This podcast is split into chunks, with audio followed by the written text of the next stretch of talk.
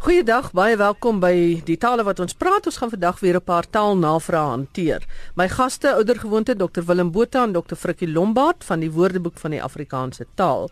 En uh, Frikkie, ons begin met die eerste vraag by jou. 'n uh, Ander taalman, professor Ernst Kotse, ook 'n uh, taaladviseur vir RSG, hy is van Port Elizabeth, vra dat ons nog iets moet byvoeg oor die produktiewe op waaroor in 'n vorige program gepraat is. So miskien kan jy net sê wat het ons gesê en wat is sy bydrae nou?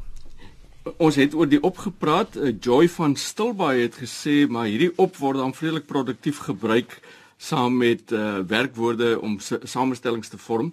En ons het daaroor iets gesê, jy kry opbel, opberg, opbeer, opbind, opbloei ensovoorts. So ons het al die voorbeelde genoem.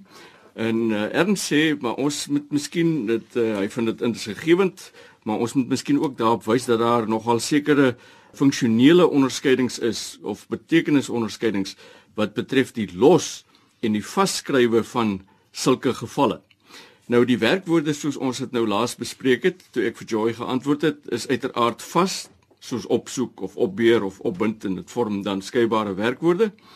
En op verbind ook natuurlik met uh substantiewe selfstandige naamwoorde om 'n selfstandige naamwoord te vorm die geheel soos opslag wat jy kry nê nee, die opslag is jou fynerige jong plante groei van verskeie soorte wat natuurlik opkom sonder om gesaai of geplant te word. Maar nou sê Ernst en dit is inderdaad so, daar is 'n toenemende neiging om sekere voorsetselkonstruksies wat optree as 'n bywoordelike bepaling dan ook vas te skryf En dit is natuurlik 'n probleem want uh, die ortografiese onderskeid tussen die woordsoortlike of die sintaktiese gebruik van die forme word dan geïgnoreer. Dan wys hy inderdaad daarop op pad of op slag soos 'n opslag dood op soek na 'n oplossing op advies van die dokter op versoek speel jy iets jy kom op aandag op voorwaarde van anonimiteit neem jy deel en hy speel sê maar op vleuel. Nou dit is inderdaad so dat 'n mens deesdae geweldig baie sien dat op pad veral vasgeskryf word. Terwyl in hierdie geval moet hy los wees en Ernst uh, wys reg daarop. Goed, dan is dit nog 'n navraag wat gaan oor iets wat ons voorheen gesê het. Baie lekker om altyd so terugvoer te kry van luisteraars. En eh, Willem, jy sal hierdie een vir ons net weer in herinnering moet bring en dan 'n uh, kommentaar lewer. Pieter Bosman. Dis hy wat gereageer het oor die bespreking van die woord sakgeld so 'n paar weke terug. Ja, ons het 'n paar weke gelede gesê dat uh, sakgeld was oorspronklik die geld wat jy toevallig op 'n gegee oomblik in jou sak het. En toe dit later is dit gebruik uh, vir kinders as jy kinders betaal wat huishoudelike taakies uh, voltooi. Maar hy sê die bespreking van sakgeld het hom ver laat terugdink aan sy gunsteling boek toe hy 'n kind was, naamlik Verandering van spyse deur ene Dawie. Nou daarin beskuldig een van die karakters die ander karakter dat hy sê meer net so maklik verloor soos 'n mens 'n gaatjie penny verloor. Met ander woorde, Daar is verwys na 'n penny wat aanhoudend en maklik deur 'n gaatjie in jou broeksak val. Maar hy sê daar is ook nog 'n ander herinnering wat hy het aan gaatjie penny en dit was die muntstuk uit die destydse Rhodesia wat 'n gaatjie in die middel gehad het. Nou dit is inderdaad so, die penny van Rhodesia het 'n gaatjie in die middel gehad en jy kan 'n hele klomp pennies op 'n draad geryg het of 'n tou of 'n garingdraad en dan kan jy dit so geswaai het met jou pennies aan. En dan gaan die volgende vraag weer aan jou Frikkie, Dr Lukas Munting van Stellenbosch, vra dat ons 'n bietjie praat oor vreemde vertalings, byvoorbeeld van die woord run, soos in hardloop. Ja, en dit gaan juist daaroor dat ehm um, hy 'n probleem het daarmee, jy weet dat uh, mens sulke forme kry waar run dan nou vertaal word asof dit net kan hardloop beteken. Die finansjaar hardloop van Maart tot Februarie in plaas van die finansiëjaar duur of strek van Maart tot Februarie. En 'n mens hoor ook dikwels iets soos hy hardloop in besigheid. Die randse business. En dit is al hoe meer dat 'n mens sinne van Afrikaans sprekendes hoor. Dit klink Afrikaans, maar die hele onderbou, die hele idiomatiese ding is Engels as dit ware. Nou ran het natuurlik baie ander vertaal ek ekwivalente as net hardloop jy hardloop nie 'n besigheid nie, maar jy bestuur of bedryf 'n besigheid. En ons hardloop nie uit sout uit of uit speserye uit of uit appels uit of wat ook al nie. Of uit uh, tyd uit nie. Of uit tyd uit nie. You, you you don't run out of you run out of time in Engels maar nie in Afrikaans nie. Ons tyd raak op of ons tyd is verstreke of wat ook al die geval mag wees. En so kry ons baie dinge wat jy weet waar mense as dit ware die Engelse patroon vat en dit net vertaal. Uh tipiese een wat ons kry is hy groei tabak. He grows tobacco. Nee, ons kweek tabak. Iets is 'n staande reël sê ons nie, ons sê dis 'n vaste reël. En veral een wat dikwels voorkom is ook sy is sê maar angstig om te gaan wanneer sy geen angs ervaar nie, maar sy is inderdaad gretig om te gaan. 'n Mens moet miskien bietjie meer oplettend raak. Ek het 'n toenemende kommer oor woordeskat wat verdwyn. Gister het ek byvoorbeeld gehoor iemand praat, dit is 'n kaptein van een van ons rugbyspanne. Hy het pragtig Afrikaans gepraat, maar toe het hy nou gesê hulle het ons disrupt. Met ander woorde, hy kon nie op die woord ontwrig kom nie. Verdwyn ons woordeskat of wat gaan aan of is die milieu maar net so dat dit al hoe meer Engels raak en dat dat die Engels dan ook ingryp op hoe ons ons Afrikaans praat. Ek dink dit is ook iets wat wat ons oor kan gesels iewers vorentoe die hele debat van anglisismes want ek dink die argumente daar het ook al geskuif. Mense is hmm. nie meer so fyngevoelig daaroor nie, maar ek dink wat jy nou na verwys Willem is meer nie nie anglisisties nie, maar die die heeltemal verwringing van die idiomatiese gebruik en dan die verskraling van die woordeskat. Ja. En ek moet sê ek vind dit ook dat mense se woordeskat verskraal. En daarom gaan hulle of direk na die Engels toe of sommer nog die Engels en die rugby spelers is die groot sondaars of sondebokke. Ja. ja sondaars. Sondaars. sondaars. Uh, ja, uh, maar dit gebeur oral. Ons hoef maar net na uh, Donald Trump te kyk van Amerika om te besef dat woordeskat kan op die hoogste vlak heel beperk wees. Ons kan plaaslik ook maar kyk. Ja, plaas, maar ek ek verkies nou maar om te wys na buite. Ja. Ek wil net iets noem hier met die uh woord wat jy gesê het, iemand is angstig en gretig. Mm. En dan terugkom na run en hardloop. Angstig en gretig, daar's vir my 'n betekenisverskil tussen die mm. twee woorde. Mm. Terwyl met run, as jy dit nou vertaal hardloop, dan is dit nie 'n betekenisverskil nie. Nee, glad nie. Nee, ek het ek het ek het dit net nou maar net wyd gegooi hier uh en dit is hier en daar appels en pere. Dit is maar net om oor 'n groter probleem te praat, as ja. dit ware. Mm. Willem, Emil van Sail vra of ons die woord applausganse ken. Nou ek weet nie of dit met ganse te doen het of dit net 'n uitdrukking is nie, maar jy gaan nou vir ons sê. Ja, Emil sê hy het 'n baie interessante en 'n nogal 'n mooi Afrikaanse woord by sy swaar van Namibië gehoor. Hulle het rugby gekyk en een van die spelers het 'n ander ene geduik sonder die bal en die speler wat toe nou sonder die bal geduik is, het sy arms in die lug gegooi en na die paviljoen gekyk, uh, net soos die sokkerspelers en toe sê sy swaar regte applous gaans. Nou uh, hy sê hy die woord besonder mooi en beskrywend gevind en ek dink ook dis mooi en hy toe by sy swaar probeer uitvind waar kom hy aan die woord toe sê maar uh, hulle rugby afrigter op laerskool het vir die ouppies gesê die wat die kort rugbybroekies dra met die gleuf spleet hier aan die kant gesê julle dra asseblief ordentlike broeke as julle 'n meispan wil speel julle is nie 'n spul applous gaanse nie En dis vir my nogal mooi. Maar dit dit laat my dink aan die die Engelse woord grandstanding wat ook eintlik 'n sportagtergrond het en jy speel vir die paviljoen, jy speel vir die hoofpaviljoen. Jy probeer indruk maak. En nou pas dit veral in die politiek toe. En dis dan nog gedrag wat bedoel is om die publiek se aandag te kry en en ook hulle goedkeuring. In Afrikaans sê ons jy's besig met effekbejag of jy skop 'n groot boei op. Dis veral in die politiek. Jy gee hoog op oor 'n saak, maar jy gaan nie noodwendig iets daaraan doen nie. Nou die mooiste Afrikaans wat ek nou al gehoor het vir grandstanding is pronkpraatjies. En Hanlie Retief het dit in 'n rapport gebruik. Hy het gesê die die, polit, die politikus beweer dis alles net pronkpraatjies. Maar ek dink in Suid-Afrika kan ons maar dis 'n mooi woord vir sommige politici vorentoe die woord applausgaanse gebruik. Ek dink dit hmm. sal 'n goeie toevoeging wees tot ons woordeskat. Ja, absoluut. Ja.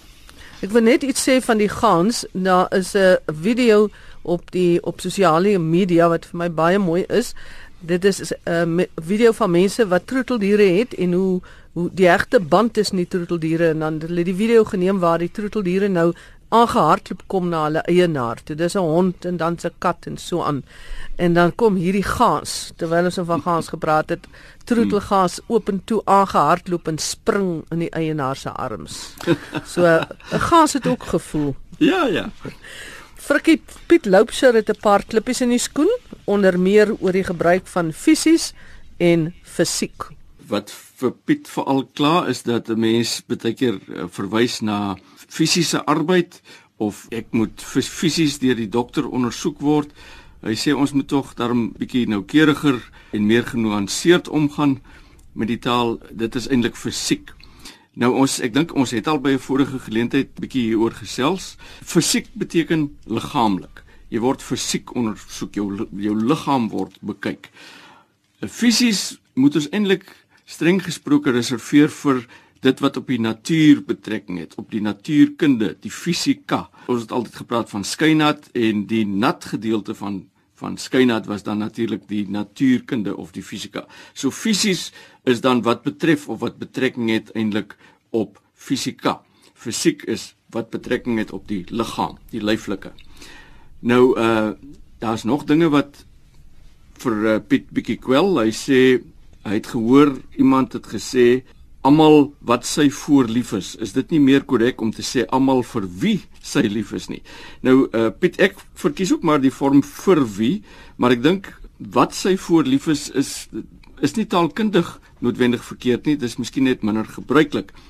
Ons moet maar net nie sê almal waarvoor sy lief is nie. Of wie? As 'n uh, as 'n as 'n of wie sy voor jy weet ehm um, of jy moet nie wie gebruik daar nie wanneer jy uh, wat moet gebruik nie die waarvoor kan jy gebruik vir dinge die dinge waarvoor ek omgee maar as jy van mense praat met jy maar sê vir wie jy moet ook nie waarop gebruik nie maar op wie as jy waaroor gebruik ten opsigte van dinge moet jy sê oor oor wie van mense van wie in plaas van waarvan en met wie in plaas van waarmee wanneer dit oor mense gaan uh, hy sê hy het ook al gehoor iemand wat mee onderhoud uh, onderhoud gevoer word in plaas van met wie 'n uh, onderhoud gevoer word.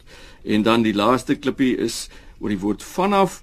Hy sê hy het al gehoor daar word verwys na 'n nommer vanaf 'n sanger se nuwe album terwyl net die woord van voldoende sou gewees het. Hy het gehoor, kom ons luister wat is die jongste vanaf die rugby wat hy sê oor sou voldoende gewees het en baie keer kan 'n mens net van in plaas van vanaf gebruik. Nou vanaf is 'n woord wat inderdaad volgens Prinsloo en Odendaal horde gereis in Afrikaans en dit beteken kan 'n mens maar net van gebruik uh, eerder as van af. Volgens Kombrink, Johan Kombrink is dit ook nie taalkundig verkeerd nie, maar wel dikwels oorbodig. Ons kry so iets soos die bus vertrek van Woester of van Woester af. Jy hoef nie noodwendig te sê vanaf nie. Van 4 uur sal mense te woord gestaan word en 'n mens kan ook sê ook van 4 uur af sal mense te woord gestaan word. Mense hoef nie altyd die uh, woord vanaf so te gebruik nie. Ons kan miskien net weer beklemtoon Magdalene, jy het so effens daarna verwys. Dis uh, die man wat daar loop hmm. en nie die man wie daar loop nie. Dis ja. nou maar 'n aardigheid van Afrikaans. So gou soos hy verbind met die man wie se of die man op wie ek staat maak, Dit is korrek, maar ons sê nie die man wie daar loop nie, ons sê die man wat daar loop. En dit maak nie saak of dit of dit mense of voorwerpe is nie, die motor wat ek ry. Uh nie die motor wie ek ry natuurlik nie. Maar dit is iets wat ook so dikwels in die taal deesdae voorkom en 'n mens weet nie waar mense dit optel of geleer het nie. Ek dink dit kom van skool af want ek onthou ehm um, jare terug toe ek op skool was, jy het sulke rympies wat mense by jou onderwysers by jou ingedrul het.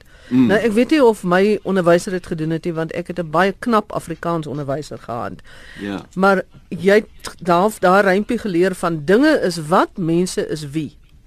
En toe dit vasgehaak by mense sonder dat hulle bietjie verder gegaan het mm. oor met watter verbindings of wie in watter verbindings daar die probleem ja. gekom. Maar dis eintlik ja. logies. Afrikaans is eintlik onlogies daar, né? Jy sal dink 'n mens is wie en 'n ding is wat. Maar nou alleenstaande is dit wie. Ja. Maar wie se en op wie en van wie en oor wie. Dit is maar net 'n uh, uh, onlogiese stukkie taal in Afrikaans. Frik ek wil net gou ook noem jy toe jy nou oor fisies en fisiek gepraat het, mm. uh, kritiek en krities is ook een van daardie wat in hierdie kategorie val, né? Inder, inderdaad, ons kan miskien ek het dink ek by vorige geleentheid al daaroor gepraat. Dit is altyd die moeite werd om daarna terug te keer. Uh, ek ek kan dalk by 'n volgende geleentheid maar weer 'n bietjie daaroor gesels. Goed, Johan Visser van Bloemfontein gee raad oor die Afrikaanse term vir 'n ice shelf na aanleiding van die reuse ysberg wat onlangs in Antarktika weggebreek het. Willem, jy gaan vir ons antwoord. Ja, dis uh, Johan Visser sê dit was 'n gedeelte van die Larsen See ice shelf wat afgesplits het en die Afrikaanse vertaling van die ice shelf het vir die radio en die televisie hoofbrekens besorg sê hy. Daar is soms verwys na 'n ysrak vir die ice shelf en soms is daar verwys na die ysbank. Maar hy sê 'n ice shelf is 'n drywende plaat ys en uh, dit die korrekte Afrikaans daarvoor is 'n ysdek. Ek het 'n mooi skets gestuur. Dis inderdaad soos by die see, dis daai stuk plat stuk is die strand wat uitstrek tot by die see. Dit is dan die ysdek en 'n stuk daarvan het het afgebreek. Maar hy sê jy moet dink aan 'n dek wat uitsteek op 'n skip of die dekke wat die mense by die huis bou om uit, uit te kyk oor die see. En dis dieselfde gedagte, dis so projekterende plat stuk ys, 'n stuk daarvan het afgebreek. Dr. Rodney Edgecombe van Kaapstad het 'n interessante opmerking na aanleiding van 'n vorige program waar ons toe oor wenteltrap en spiraaltrap gesels het. En ek dink dis omtrent die tweede derde terugvoer wat ons oor die wentel spiraaltrap uh, storie gekry het. Ja, dit is uh, dis baie interessant. By vorige geleentheid het ons gesê ek gesê laat ek tog nou nie die royal we hier invoer nie. Ek het gepraat oor die wenteltrap wat volgens die bouwoordeboek nie presies dieselfde trap is as 'n spiraaltrap en uh, daar was 'n taamlike bespreking daaroor. Nou het het Dr. Rodney Edgecombe baie interessante ding geskryf. Hy sê Hy weet nie of ons bewus is van die Engelse woord wintle trap nie. En hy sê as Suid-Afrikaner vermoed hy dat baie Engelssprekendes sal aanneem dat dit hier gaan oor 'n soort lokval. Die trap is dan 'n lokval, maar dit is nie die geval nie. Die woord wintle trap is 'n leenvertaling van die Nederlands wenteltrap. Nou in die Nederlands kry jy die gewoon die wenteltrap soos wat ons 'n wenteltrap in Afrikaans kry, die dit is letterlik dan 'n trap.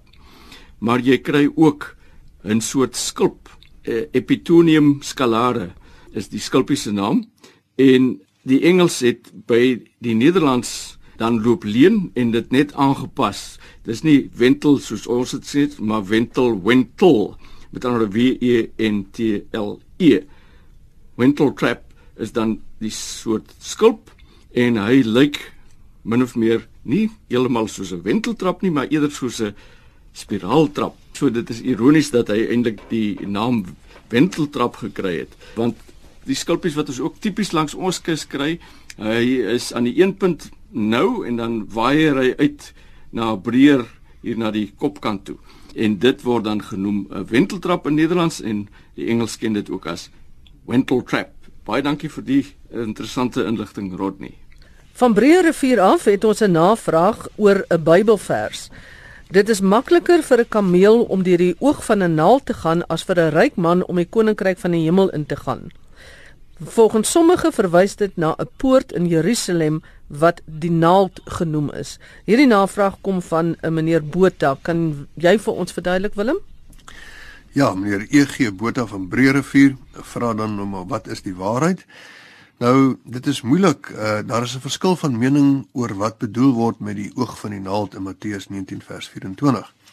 Daar is mense wat sê dat die kameel vir die Grieks kamelos 'n spelfout was en dat dit eintlik tou of kabel Grieks kamelos moes wees.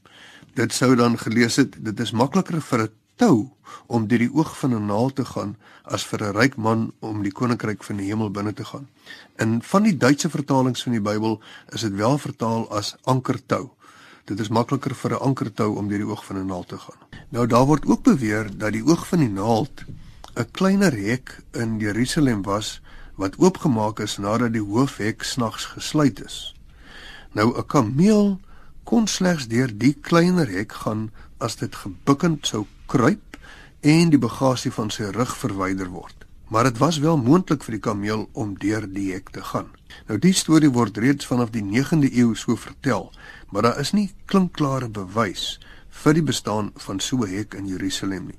Daar is wel reliefwerke teen die mure van kerke in Europa van 'n kameel wat so op sy knieë staan en deur 'n baie klein hekkie gaan. Maar daar is nie klinkklare bewys hiervan nie. Maar uh, meneer Botha verwys ook na 'n interessante verskynsel, dis 'n soort hek wat hy teëgekom het en veral in Woester by die by Woester se begrafplaas by die NG Kerk en by die Breerievierstasie is daar 'n hek wat hulle die naald genoem het. Nou dis 'n hek wat jy eintlik net met 'n skets kan verduidelik.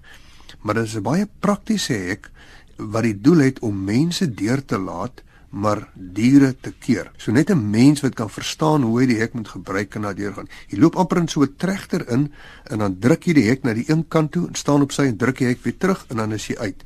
Maar geen dier kan daardie aksie uitvoer nie. Nou ons slaan die hek nou toe op hierdie noot vir hierdie dag se program. Baie dankie Dr Willem Botha en Dr Frikkie Lombard van die Woordeboek van die Afrikaanse taal en ons groet tot 'n volgende keer.